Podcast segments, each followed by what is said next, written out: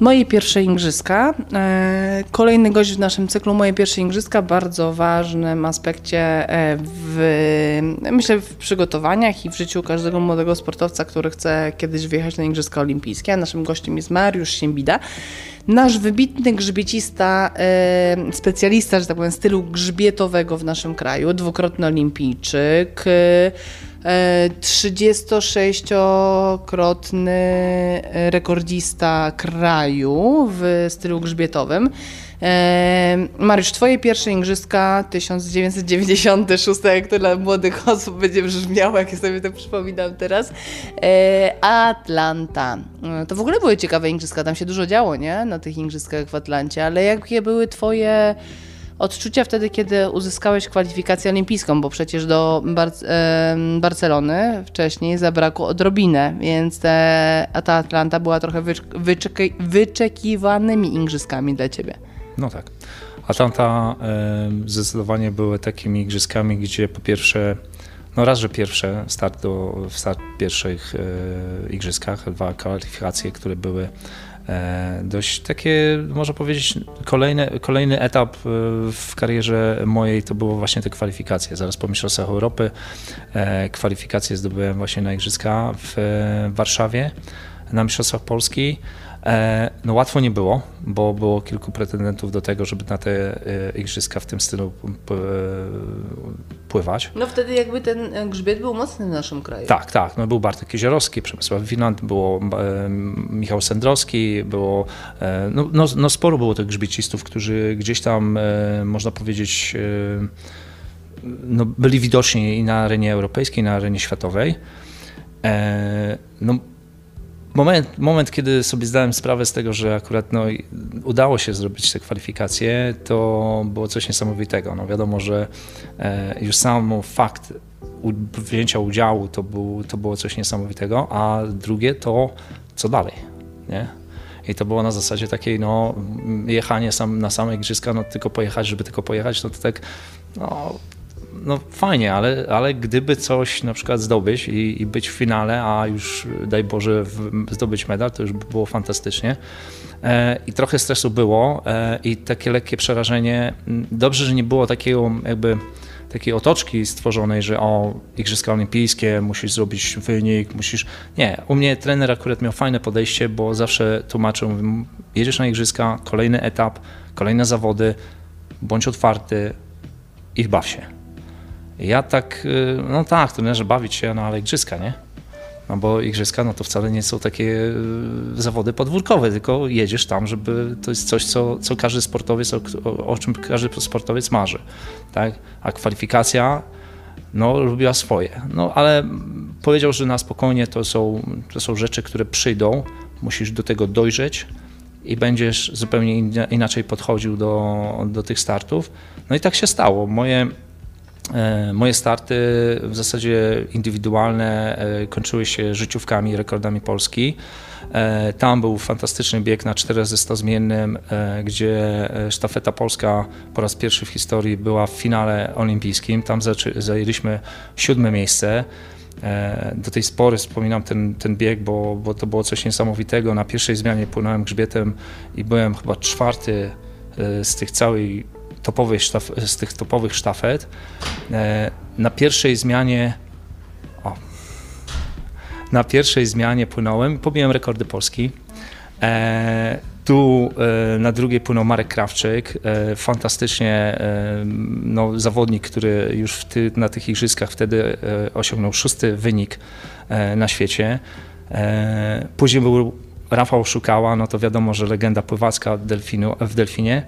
No i Bartek Kizierowski, jako jakby najmłodszy ten uczestnik tej sztafety.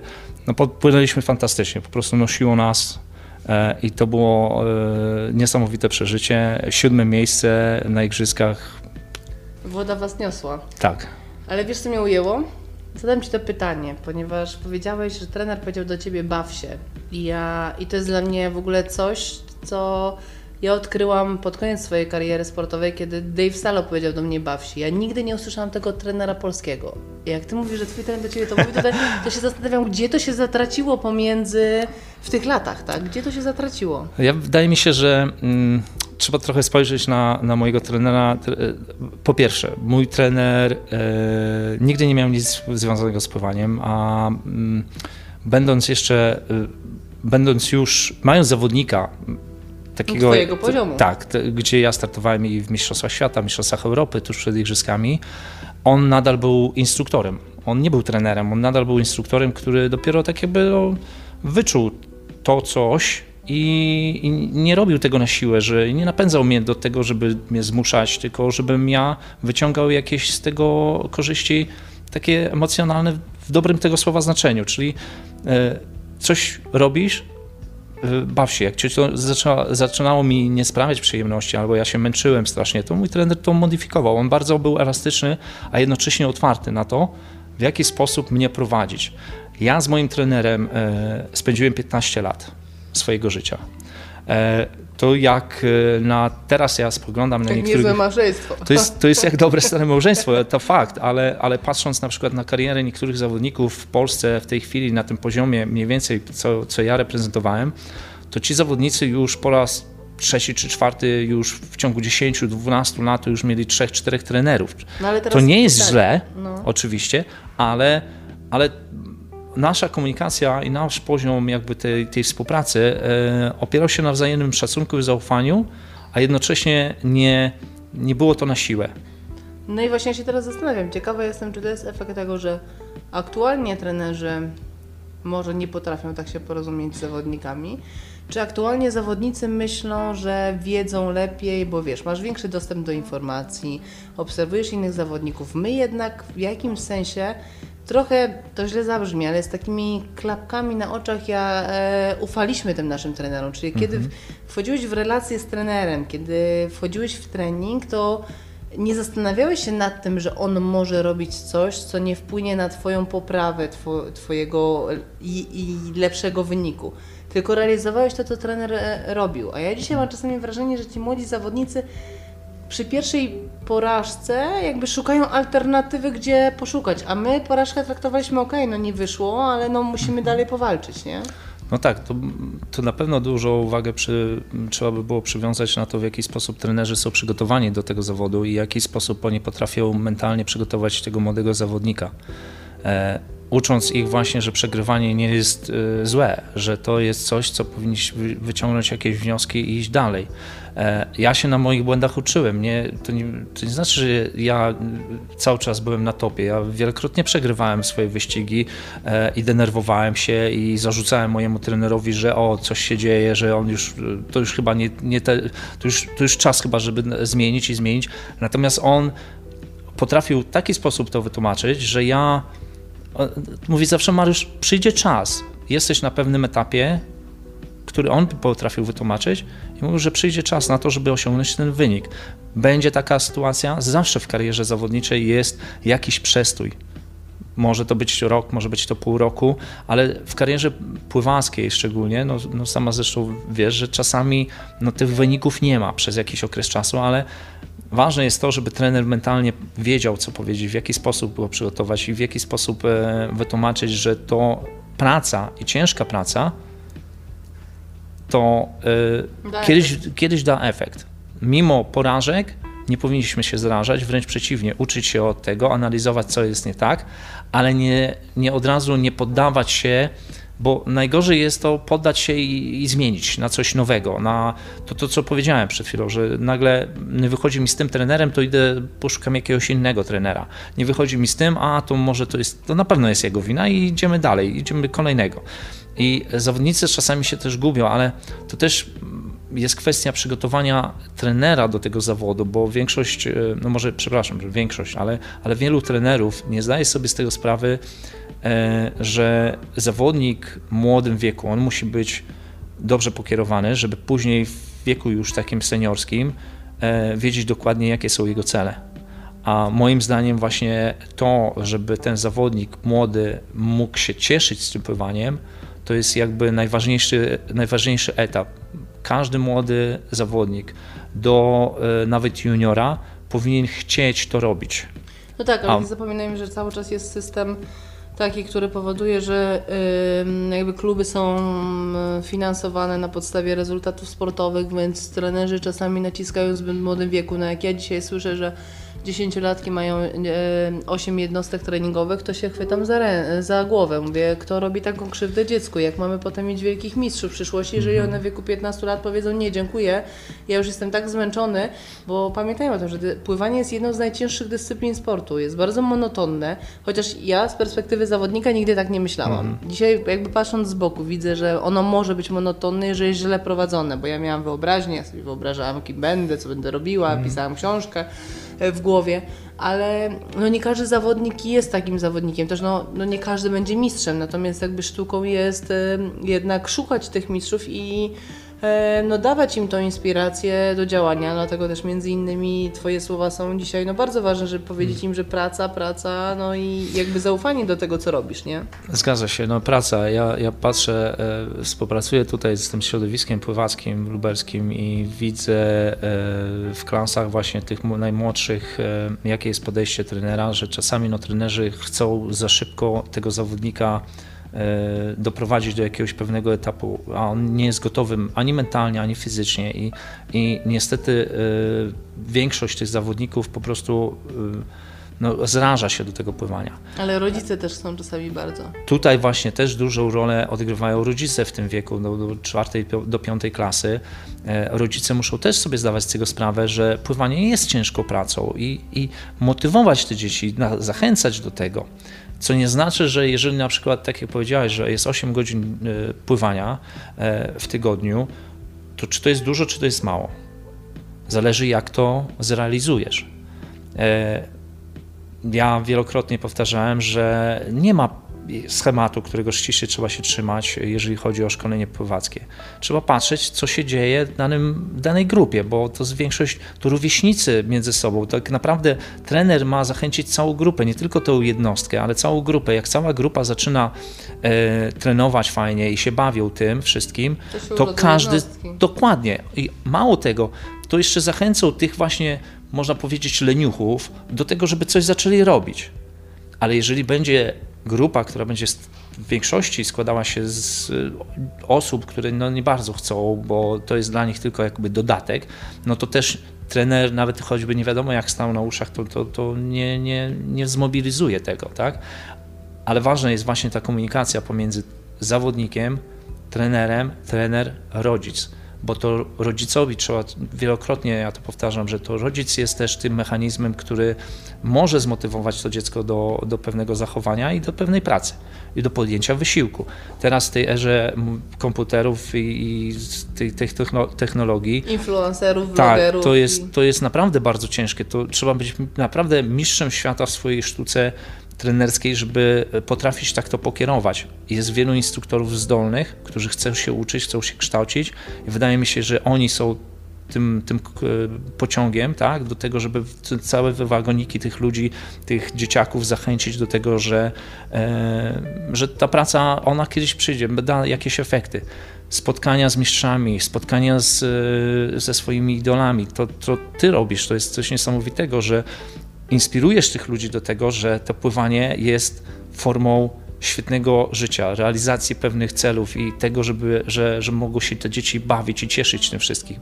I patrząc nawet na frekwencję Twoich e, kampów i zawodów, to wszystko e, no, jest niesamowite w porównaniu e, z relacjami, gdzie ja widzę, że na przykład na zawodach czasami dzieciaki mają roczniki 11, 12, 13 lat przyjeżdżają i nagle jest 200 osób, a nie, a nie 600. Dlaczego? No ale to właśnie, to jest jakby wa- najważniejsze pytanie, żeby sobie odpowiedzieć dlaczego, no bo sami wiemy, że w młodych rocznikach jest 600, a potem nagle tracimy dzieci, czyli albo jest to jednak trochę błąd systemowy, że, systemowy, że za ciężko pracują na pewnym etapie i potem są zmęczone, no bo jednak wielu innych dyscyplin zaczynasz później tą karierę, no pływanie jest dyscypliną, w której musisz zacząć wcześniej, musisz łapać to czucie, musisz jakby nauczyć się tego pływania, choć są wyjątki e, ze światowego pływania, które zaczynały pływanie później i, i też zdobywały medale na, na wielkich imprezach. E, więc jakby to są, to są rzeczy, które e, na pewno są, e, no są trudne, tak? No bo każde środowisko musi się e, z tym zmierzyć, żeby znaleźć rozwiązanie. No i jakby polskie pływanie też po tym długim okresie czasu potrzebuje tego rozwiązania, nie? No bo ja, ja myślę, że właśnie no, y, fajnie by było, żeby była inicjatywa opracowania pewnego systemu, który by się sprawdził ogólnie dla wszystkich grup y, pływackich, ale taki, który ma, który jest na czasie. E, opieramy się pewnymi jakimiś regułami, które gdzieś były stworzone dawno temu, które w tej chwili no, nie mają przełożenia na to, co się dzieje, jakie jest zaangażowanie, jaka jest, jaki jest klimat podejście, młodzieży, podejście. Trzeba to naprawdę zmienić. Warto, warto się zastanowić, w jaki sposób e, to wszystko można by było ułożyć, ale no to na pewno będzie to ciężka praca, bo to, bo to są takie rzeczy, na których em, no, których nie widać też. to jest raz, a dwa, że to jednak jest duża praca i duże zaangażowanie. Nie można się nastawiać tylko i wyłącznie na wynik w młodzieży, ale patrzeć z perspektywy, co ta młodzież dalej będzie osiągała. Fajnie, że są zawodnicy 16-17-letni, którzy niesamowicie pływają i nawet to widać i udowodnione jest na, po ostatnich mistrzostwach Polski, w jaki sposób oni się realizują, ale to też jest metoda na to, żeby właśnie e, zainspirować tych młodych. Patrzcie, że ci właśnie 17-16-latkowie mogą zrobić minimum na Igrzyska Olimpijskie, jadą na te Igrzyska Olimpijskie i mogą osiągnąć naprawdę wspaniałe wyniki. Czyli są z waszego pokolenia, tak? Nie, nie wzorujemy tylko na, że tak powiem, w starszym pokoleniu, gdzie jakby ta historia tego, że ciężki, ciężki trening, no bez ciężkiego treningu nie będziesz na Igrzyskach Olimpijskich, no ale jakby ten sposób dotarcia do młodzieży, ja myślę, że to, to co podkreślasz, no, to już nie jest, znaczy to zabrzmi jak, jakbym mówię jako starsza pani, ale jakby y, co innego motywowało nas, a co innego motywuje dzisiejszą młodzież. Tak. Dla mnie motywacją było to, że mm, bycie w kadrze to jest szansa pojechania za granicę, gdzie moich rodziców nigdy nie byłoby stać, żeby na, za tą, na tą zagranicę pojechała, tak? A dzisiaj e, większość młodych ludzi, no rodziców stać na to, żeby pojechać na wakacje, nie wiem, Chorwacja lub inne miejsca. E, Dla mnie, jeju, ja mam dzisiaj e, w głowie to, jak byliśmy na, na Mistrzostwach Świata i dostaliśmy czepek i koszulkę i każdy z nas miał inny dres. Jakby dzisiaj powiedzieć to zawodnikom, to by powiedzieli, Nie, to- jest niemożliwe. I, a, a jednak za czepek i koszulkę jechało się na zawody, tak? Zgadza jechało się, na zgadza się to, ale to każdy szanował y, i, i jak y, ktoś mnie na przykład zapyta, czy ja mam dres z Igrzysk Olimpijskich w, w Atlancie w 96, mam. Tyle lat, y, ja rzeczywiście nadal mam te, y, te dresy, bo ja mm, podchodziłem z tym z szacunkiem. E, Czasami mi się wydaje, że mm, za dużo materialnych spraw jest, które zawodnicy oczekują, zamiast skupić się na tym, żeby to zrobić, żeby zrobić jakiś wynik, no, zrobić to, co, co lubią, że to pływanie to nie tylko te materiało, mat- materialne rzeczy to są ważne, ale sama, sama radość z sukcesu, sama radość z tego, że można się pokazać, że można się realizować, to jest, to jest coś niesamowitego. Ja mówię, uczę też y, małe dzieci do tego, żeby i tłumaczę niejednokrotnie, że właśnie słuchajcie, to macie, mam wam sprawiać przyjemność, ma, ma wam dawać y, ochotę do tego, żeby coś robić, a nie tylko zastanawiać się, co ja z tego będę miał. Czerpać radość z małych rzeczy. Zgadza się. No ale i wracając do tych małych rzeczy, ja na przykład pamiętam swoje pierwsze Igrzyska Olimpijskie, na których też byłeś, jak e, dla mnie niesamowitym było to, że jest McDonald's i darmowy McDonald's i pamiętasz jak po 200, 200 del, 100 delfinem, które przegrałam o jedną setną, poszłam do wioski olimpijskiej, nałożyłam sobie 6 hamburgerów i wtedy skrawce mi znaleźliście, co ty robisz maluchu? Ale to rzeczywiście e, było tak, że ja na przykład byłam bardzo zafascynowana. Biegałam po wiosce, zbierałam autografy w samolocie, budziłam wszystkich, żeby zebrać autografy. ale- I, e, I ja tak wspominam moje pierwsze Igrzyska Olimpijskie i... i Pamiętam to. I, i, Pamiętam to właśnie. i, I rzeczywiście, jak sobie tak myślę, myślę, że wielu młodych zawodników nie jest świadomych tego, że te pierwsze igrzyska samą atmosferą, samym tym, co się tam wydarza, samym w ogóle zobaczeniem gwiazd wielkiej stołówki, one Tak. czasami potrafią przytłumić nawet Twoją najlepszą formę. Zgadza się. No, y, właśnie no, brakuje tego, tego coś, co kiedyś napędzało to pływanie i to y, może za dużo tego jest. Może, może trzeba szukać jakby rozwiązań, które naprawdę zmotywują tych młodych ludzi. E, I jakie to są rozwiązania, są mądrzejsi na pewno na tym święcie, którzy będą wiedzieli, w jaki sposób to zmotywować. Kiedyś było takim, takim rarytasem praca z psychologiem, praca z fizjologiem. Teraz to jest na bieżąco. To, to, to nie jest żaden, no każdy klub niekiedy, kiedyś było tylko w kadrze, a teraz każdy klub e, ma psychologa, ma fizjologa, ma dietetyka, wszyscy ten mają dostęp do niesamowitych e, obiektów, do e, infrastruktury sportowej, do urządzeń, które no wszystko potrafią. Jedyne co trzeba, zachęcić tego młodego do podjęcia wysiłku, do pracy i do tego, żeby on się bawił tym i, i, i, i cieszył. E, nie jest no to i łatwe. jeżeli mówisz o cieszeniu się, Tak. to najfajniejszy szef wspomnienie z Igrzysk Olimpijskich. Bez różnicy których. Najfajniejsze wspomnienie. Ojejku. E, wydaje mi się, że po raz na Igrzyskach 96, jak miałem okazję oczywiście wejść na stołówkę i nagle patrzymy razem właśnie jeszcze z Markiem Krawczykiem, patrzymy, stoi, siedzi przy stoliku grupa osób i widzimy Mohameda Ali. Możliwość zrobienia z nim sobie zdjęcia, to było coś niesamowitego. Ja pamiętam to do dzisiaj i, i dla mnie to e, był zaszczyt, że mogłem w ogóle e, stanąć obok takiego człowieka, takiego sportowca. A drugim też takim bardzo, bardzo, e, bardzo bliskim tego wszystkiego, no, takich rzeczy, no to wiadomo, że e, sukcesy, jakie osiągali polscy pływacy, między innymi ty. Tak? No tak, ale To jak, były- ja to było wspomnienia- z tobą, to jeszcze, było, Ale- jeszcze nie miałam takich sukcesów. Ale już wtedy. ja pamiętam jak, jak e, w Sydney pobiłaś, pobiłaś rekord Europy, czy było blisko Pobiłam rekordu? rekord Europy. Właśnie. I wtedy po prostu no, mówimy, no nareszcie mamy zawodniczkę na, na, tej, na tym poziomie światowym, która no, w przyszłości to jedyne, co, co będzie tylko brakowało, to medalu olimpijskiego złotego. I tak się stało. Także No, ja- ja dla mnie, zresztą tak samo jak i dla mnie, jak i dla mojej rodziny, gdzie jesteś wzorem pływania i wzorem sportowca, którego warto naśladować, e, to cieszymy się, że, że Twoje podejście w tej chwili takie, żeby to pływanie polskie, całe środowisko pływackie zaczęło lepiej funkcjonować, bardziej otwarcie, bardziej yy, tak przejrzyście i żeby się ludzie cieszyli z tego pływania, to jest dla mnie coś niesamowitego i ja yy, i wiele, wiele osób, które, yy, które są tutaj w środowisku pływackim na pewno popiera to, co ty robisz i, i zawsze, no ja to wiesz o tym, że zawsze będę cię chwalił za pomoc, nawet w takich czasach jak pandemii, gdzie walczysz o to, żeby to sportowcy mieli, ale nie, tyle, nie tylko sportowcy, no ludzie mieli mo- możliwość dostępu do basenu i tłumaczenie tego wszystkiego, że ten basen, woda, to wszystko jest bezpieczne i warto, e, warto z tego korzystać, no to jest coś niesamowitego i